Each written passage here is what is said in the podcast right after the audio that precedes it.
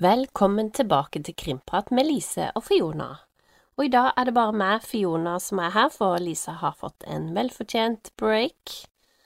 Og det jeg har lyst å snakke om i dag, er rett og slett en sak jeg har holdt på med i to år og tenkt å lage en episode om, og jeg researcha denne saken lenge før der igjen. Men det å lage en episode på denne saken her, det er ikke så lett. Og siden denne saken er omtalt så mye nå på podcaster og media, så i dag blir det mine betraktninger av saken, mine tanker rundt den.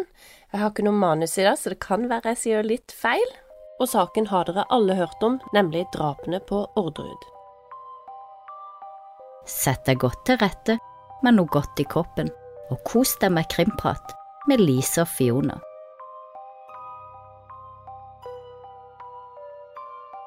Det hele starter jo med attentatforsøkene, iallfall så langt som vi vet. Det er det som får eh, først medieoppmerksomhet når eh, det blir gjort to attentatforsøk mot Anne Orderud Paust og Per Paust, ektemannen. Og de er jo to stykker som har funnet hverandre litt seinere i livet. Anne har ikke noen barn, men eh, Per Paust har en sønn og det har foregått litt sånn Jeg tror det er en overlapp på litt forhold der. Iallfall så er det litt sånn ondt blod mellom Anne og sønnen til Per Paust. Det skal sies at dette forholdet visstnok skal ha blitt litt bedre. Iallfall så er det jo en eh, pølse som blir lagt under bilen til Anne Ordrud Paust. En bil hun har lånt av faren sin. Og eh, det er jo tilfeldig her at denne her dynamitten som er blitt lagt inn under bilen, ikke går av og de ser den, Anne og Per. De ser denne her eh, dynamitten. Og så De visste jo ikke at det var det, da. Og så kjører hun på jobb, og da er det noe som ligger og murrer litt i bakhodet, og hun eh, lar for sjåføren se på det. Hun jobber jo på Forsvarsdepartementet, hadde en viktig jobb der som sekretær. Og når han ser denne her eh, pølsa, så melder han ifra. Dette var jo i juli i 1998, og nå skal jo sies at det var et overfall som skjedde før det igjen, der de gikk hardest utover eh, Per Paust ble rett og slett banka opp på åpen gate. Denne siste attentatforsøket, det var jo eh, gass som da eh, skulle egentlig blitt påtent fra var det ytterdøra i leilighetskomplekset, og så går det en lunte opp til eh, ytterdøra til Anne og Per og det er jo nesten flaks at ikke denne går av. Per oppdager det, og de får ringt eh, politiet, og de blir faktisk frakta ut gjennom balkongen, og alt går nok en gang bra. Så er det jo disse attentatforsøkene. De kan nå kobles til Lars Grønnere, som da var kjæresten, eller samboeren, eller hva man kan kalle det, til Kristen Kirkemo, og Kristin Kirkemo nå har man funnet DNA og teipbiten til denne pølsa. Og dynamitten tror jeg det var som ble da knytta til Lars Grønnerud. Og dette ble jo ikke de egentlig, jeg tror det ble frikjente for dette i retten. Attentatforsøkene har jo på en måte vært en del av historien, men har ikke fått så mye fokus. Hvis man skal da tro på disse bevisene at Lars og Kristin har noe med attentatforsøkene å gjøre, så må vi jo ha dette i minne. Kan det ha vært flere personer som var med på attentatforsøkene? Ja, men disse er jo tydelig retta mot Anne og Per. Og Per han dør jo seinere av kreft, litt sånn plutselig sykdom, så Anne blir jo aleine. Og i retten så tenkte man jo at disse sakene hadde noe med hverandre å gjøre, men likevel så var det veldig lite bevis fra attentatene knytta inn i bevisføringen på den tida der. Og nå er den saken forelda. Og Kristin Kirkemo hun vil ikke uttale seg om eh, det ene eller det andre nå. Den, hun er ferdig med saken. Og Lars Gønre, han er jo død, så han kan jo ikke heller uttale seg. Attentatforsøket vil jeg jo si bærer preg av et tydelig sinne. Hvis du tenker også at overfallet har noe å gjøre med disse to attentatforsøkene, som tydeligvis ville ramme ekteparet på en brutal måte, så må det være ekstremt mye sinne. Overfallet var jo antageligvis ikke for å drepe noe, for gjerningsmannen der kom jo tilbake til åstedet, så han risikerte jo å bli tatt. Eller var ganske ballsy av han å komme tilbake, mens folk enda prøvde å hjelpe Per, som eh, da lå på bakken. Så om overfallet er tilfeldig, og de to andre henger sammen, det lurer jeg litt på. De mener iallfall at han som overfalt eh, Per og Anne på åpen gate, snakka svensk. Og det er jo ikke noe å legge skjul på at Lars og Kristin var knytta til et kriminelt miljø. Så kan de ha fått hjelp av noen andre. Det er jo godt mulig. Disse bevisene her, skal vi tro at de er knytta til attentatforsøket, så må vi jo også tro at de hadde noe imot Per og Anne. Og hvilken connection hadde de til de, om ikke det var gjennom Orderud gård?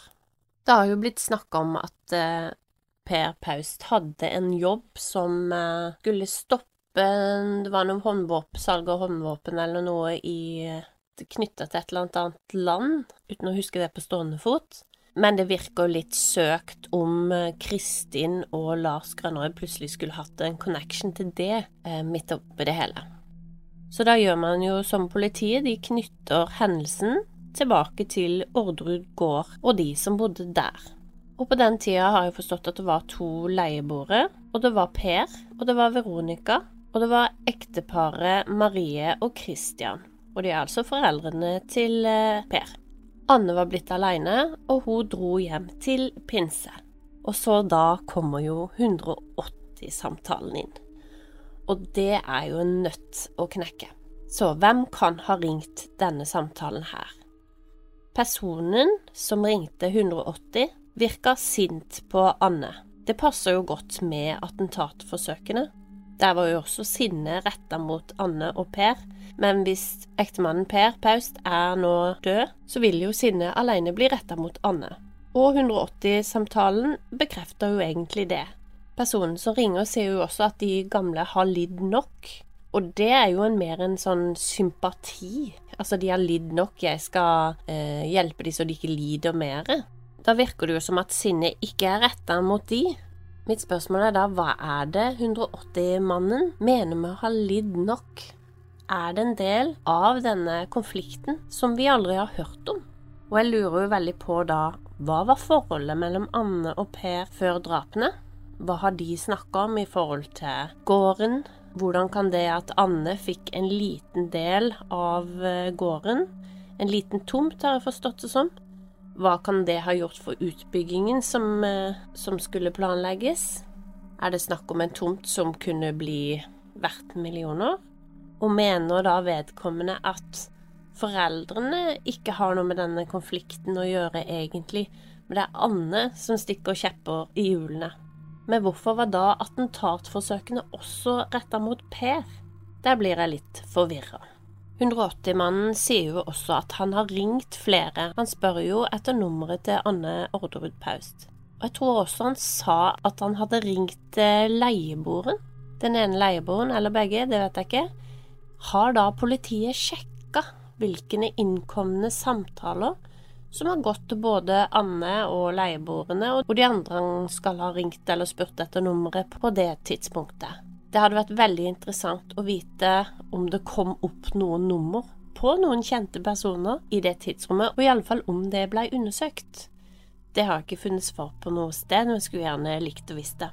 Det blei jo snakka mye om eh, sønnen til Per Paust også, at han hadde et sinne mot Anne. Det ble også nevnt at det hørtes ut som han, at 180-mannen kunne ha hørt ut som eh, Ja, det var samme måten å ordlegge seg på, eh, bruke disse tispemer-ordene som skjellsord. Og han var jo sur på Anne, men jeg har hørt veldig lite om det. Og det jeg lurer på, hadde han en connection til Kristin og Lars?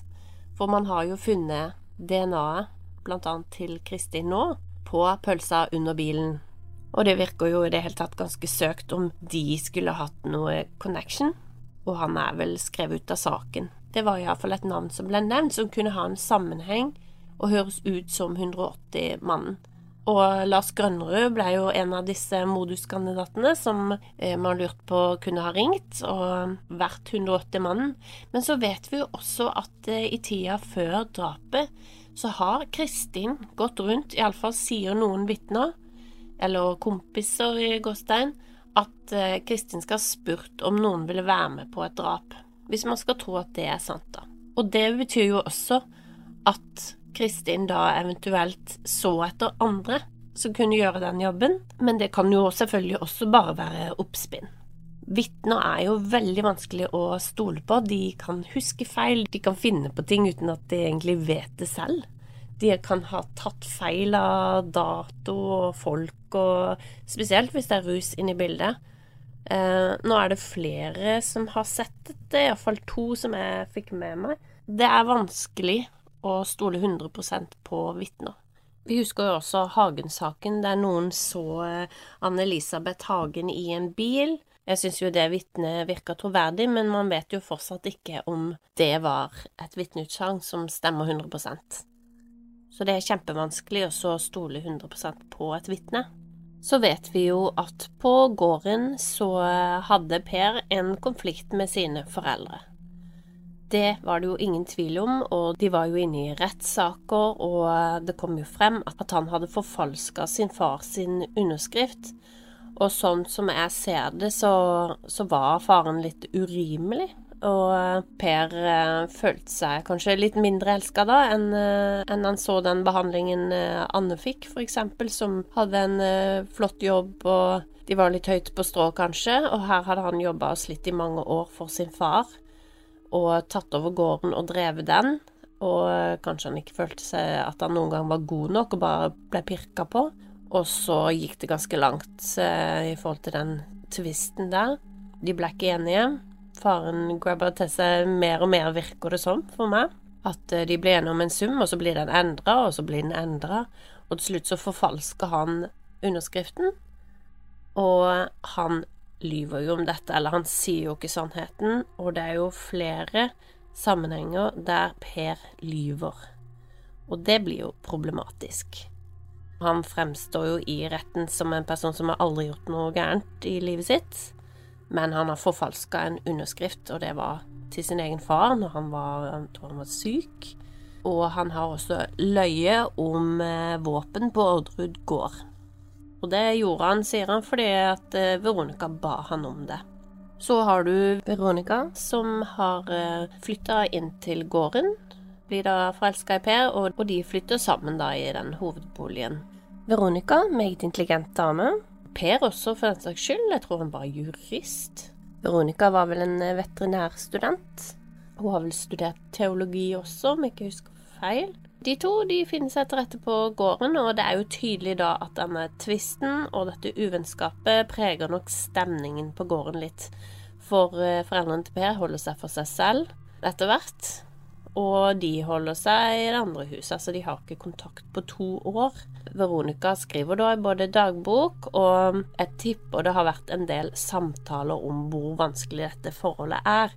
Og selvfølgelig er Kristin på gården. Pappa Sverre er på gården, og de får jo med seg at dette er vanskelig.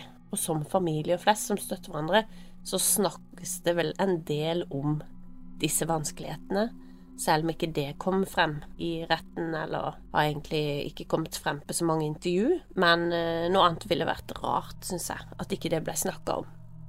Så her kommer jo eh, lillejulaften inn i bildet, og her er det mange spørsmål. Hvem lyver, hvem snakker sant? Og i det hele tatt, hadde det ikke vært for lillejulaften, så kunne det jo vært at skylda blei lagt på noen helt andre. For det var ikke veldig mange bevis mot disse fire og verken da på attentatforsøket eller drapene. Så det som skjer på lille julaften, er jo at det blir holdt et slags juleselskap, sånn som man gjør når man har eh, f.eks. to skilte foreldre, så har man julaften på en helt annen dag, fordi den andre parten får julaften. Og her kommer jo ikke familien til Per, men det er jo både Kristin og sønnen, og jeg tror det er broren og faren og søstre, altså det er mange som kommer på dette selskapet. Og så er det da et vådeskudd, eller et skudd, som skal ha gått av før gjestene kommer. I historien til Kristin så har jo hun vært i Molde og skaffa våpen til Veronica og Per, og her har jo hun gått ut av veien for å få tak i disse våpnene. Hun må jo dra helt til eh, Molde, må gjennom sikkerheten på fly og greier, og da er det veldig rart at hun kommer gjennom med våpen. Og eh, det har vært noen helvetes fester eh, i Molde, på et hotell og en suite der. dra tilbake og skal vise frem disse våpnene. Jeg tror hun sa at Veronica fikla med det, og så gikk det av. Hun drar iallfall frem disse våpnene, og det går av et skudd. Det blir eh, knust litt i et bilde, og eh, det blir merker i et bord. Og dette bildet blir jo skifta ut, og det ble jo lagt merke til av de andre gjestene. Så ifølge den historien så må det jo ha skjedd før gjestene kommer, og det var et Odd Nerdrum-bilde.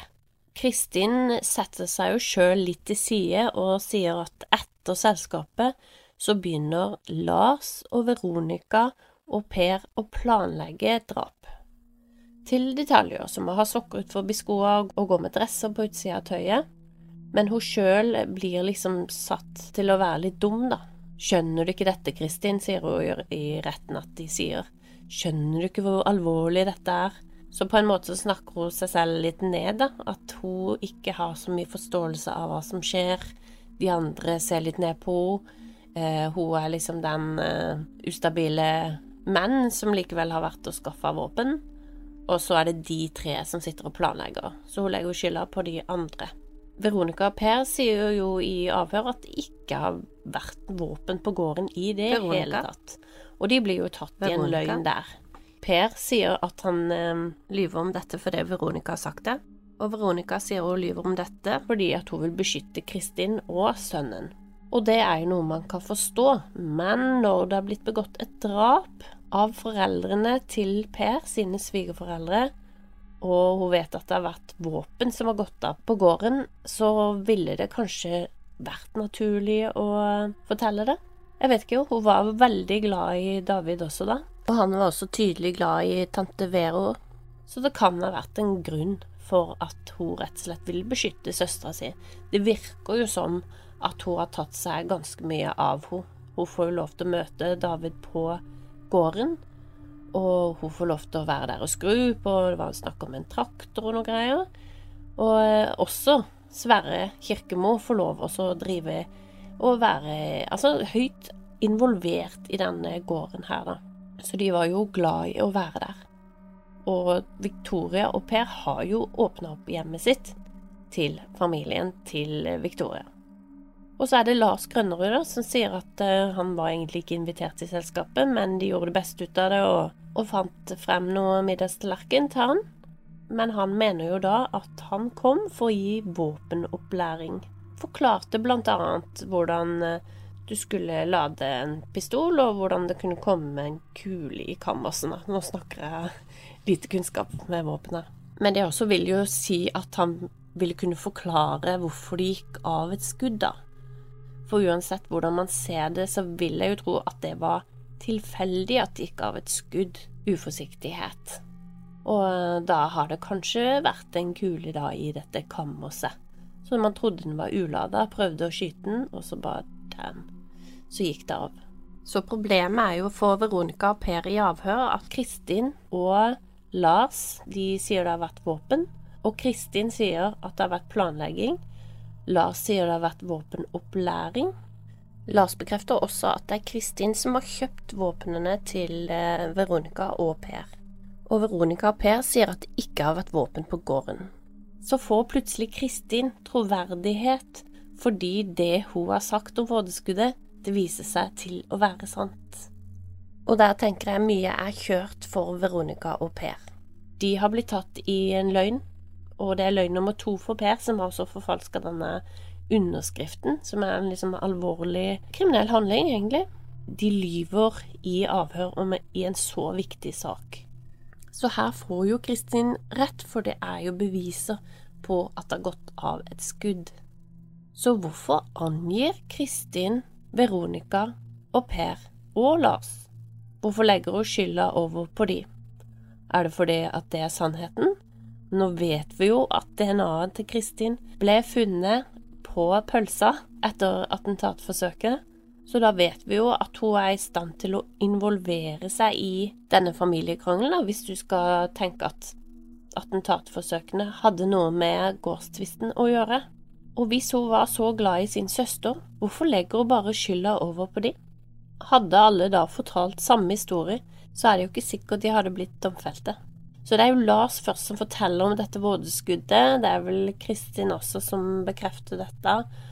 og så er det jo å legge skylda på andre. Men på grunn av at alle legger egentlig skylda på hverandre, så må jo noen lyve. Og hvorfor lyver noen? Da mener de jo at de må ha hatt noe med drapene å gjøre. Så hadde det ikke vært for dette vådeskuddet, så er det ikke sikkert noen av disse fire hadde blitt dømt den gang da. En annen ting som jeg syns er litt merkelig, er da åstedet. Hvis Christian ble henretta med et nakkeskudd, og Marie ble skutt i senga, Anne ble funnet på kjøkkenet, i hvilken rekkefølge skjedde disse drapene?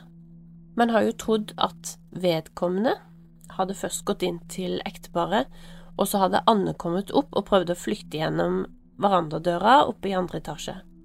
Og så er det dette da nye med glasset, om det var knust fra innsida eller utsida.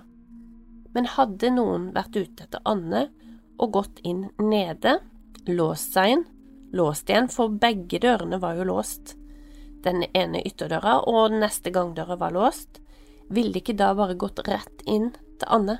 Hvis ikke hun da var, befant seg på kjøkkenet av en annen grunn, at hun tok seg noe vann eller et eller annet. Og så eh, fant de jo der og eh, skjøt henne, og så gikk inn til ekteparet. For meg så virker det litt ulogisk at noen skulle ta seg inn nede, og jeg skjønner ikke helt betydningen av om det er knust fra innsida eller utsida, hva er betydningen av det? Vi vet jo at ikke det var et innbrudd, så hvis noen ikke hadde nøkkel, så ville de jo knust det fra utsida og eh, kommet seg inn. Et sted så hørte jeg faktisk at, at broren til Christian kom, og han måtte ta handa inn i døra og låse opp fra innsida, for det var låst gjennom glasset. Eh, det gir ingen mening for meg, iallfall. Men det, kan, det har jeg bare hørt ett sted, så Men iallfall, hvis det var knust fra innsida, hva forteller det da at det var staged? Eneste forskjellen var vel om de hadde nøkkel eller ikke, da. Og uh, uansett, hvis det skulle hatt noe med noen av de fire som ble dømt å gjøre, så kunne de jo ha gitt vedkommende nøkkel hvis ikke det var de. Det med glasset på innsida og utsida vet jeg ikke om egentlig har noen betydning. Spørsmålet er jo også at hadde noen angrepet da foreldrene først, og Anne hadde vært nede, hørt at noen fremmede tok seg inn, ville hun løpt mot de som angrep, når hun visste at hun tidligere hatt minst to drapsforsøk mot seg, ville hun ikke da prøvd å rømme ut og få tak i hjelp? Nå, nå reagerer man jo forskjellig når det er helt uh, krise og ting står på, men hun har jo opplevd to attentatforsøk, og hvis hun er nede, dette skjer oppe, det kommer fremmede inn i huset, vil du ikke da prøve å rømme ut istedenfor å gå mot faren og opp på kjøkkenet og så ut? Uh, det syns jeg også er litt snodig. Derfor heller jeg jo mer mot at Anne kanskje var på kjøkkenet da noen trengte seg inn, eller at hun på en eller annen måte har blitt trua opp før drapene blir begått. Det kan også ha vært en samtale som kan ha funnet sted, eh, det vet vi jo ikke men det at hun skal ha gått opp fordi at de hørte noe, det virker på meg usannsynlig.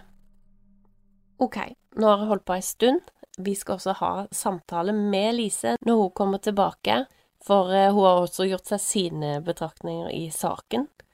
Det er eh, veldig spennende om denne saken blir gjenopptatt, og det er så mye, mye mer å snakke om, og nå sitter jeg og har en monolog med meg sjøl. Så eh, jeg sitter ikke med noe manus, jeg sitter rett og slett og snakker fra hukommelsen nå, og jeg har fått mye informasjon fra Krimpodden, fra podkasten Orderud-mysterier, som jeg syns er veldig bra, og fra boka til Øystein Millie og Olav Næss. Eh, det er en god stund siden jeg har sett Gåten Orderud på TV, faktisk, så den må jeg jo se igjen. Iallfall så er det jo spennende nå uh, å se om saken blir gjenopptatt, om nye beviser kommer på bordet, jeg vet jo at Veronica uttaler seg til ulike podcaster og forskjellige medier, men eh, Kristin hun har ikke uttalt seg. Jeg har nå kjøpt boka av Kristin sjøl, faktisk, som uh, solgte den på Finn, og jeg håper Jeg håper faktisk jeg får en signert utgave. Uh, jeg har ikke lest den boka før, så den har jo vært utsolgt hele veien, så nå gleder jeg meg til å få lest den. Hun har jo blitt ferdig med saken, sier advokaten, og eh, sant, disse attentatforsøkene, de sakene der, der det ikke ble begått noe drap, de er jo forelda. Og um, hun er jo blitt frikjent til slutt for uh, disse sakene her. Veronica Per uh, Lars er jo dø nå, men han sona også, og Kristin har sona. De er ferdig sona. Veronica jobber i Nav. Hun eh, virker som hun trives og er god i jobben sin.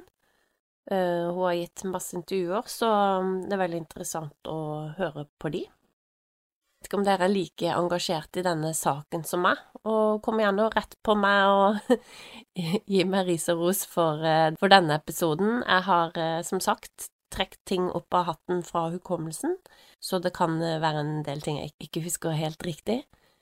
Meld dere gjerne på og skriv til oss på Facebook eller Instagram om spørsmål dere har i saken. Det er jo mye av etterforskningen også som selvfølgelig ikke har kommet frem, ikke har blitt sluppet til folket, og mange spørsmål man sitter igjen med. Så jeg gleder meg til å ta denne praten med Lise. Det var alt vi hadde for i dag. Vi høres på Untold, der vi slipper tre episoder i måneden. Så ønsker jeg dere en riktig god uke.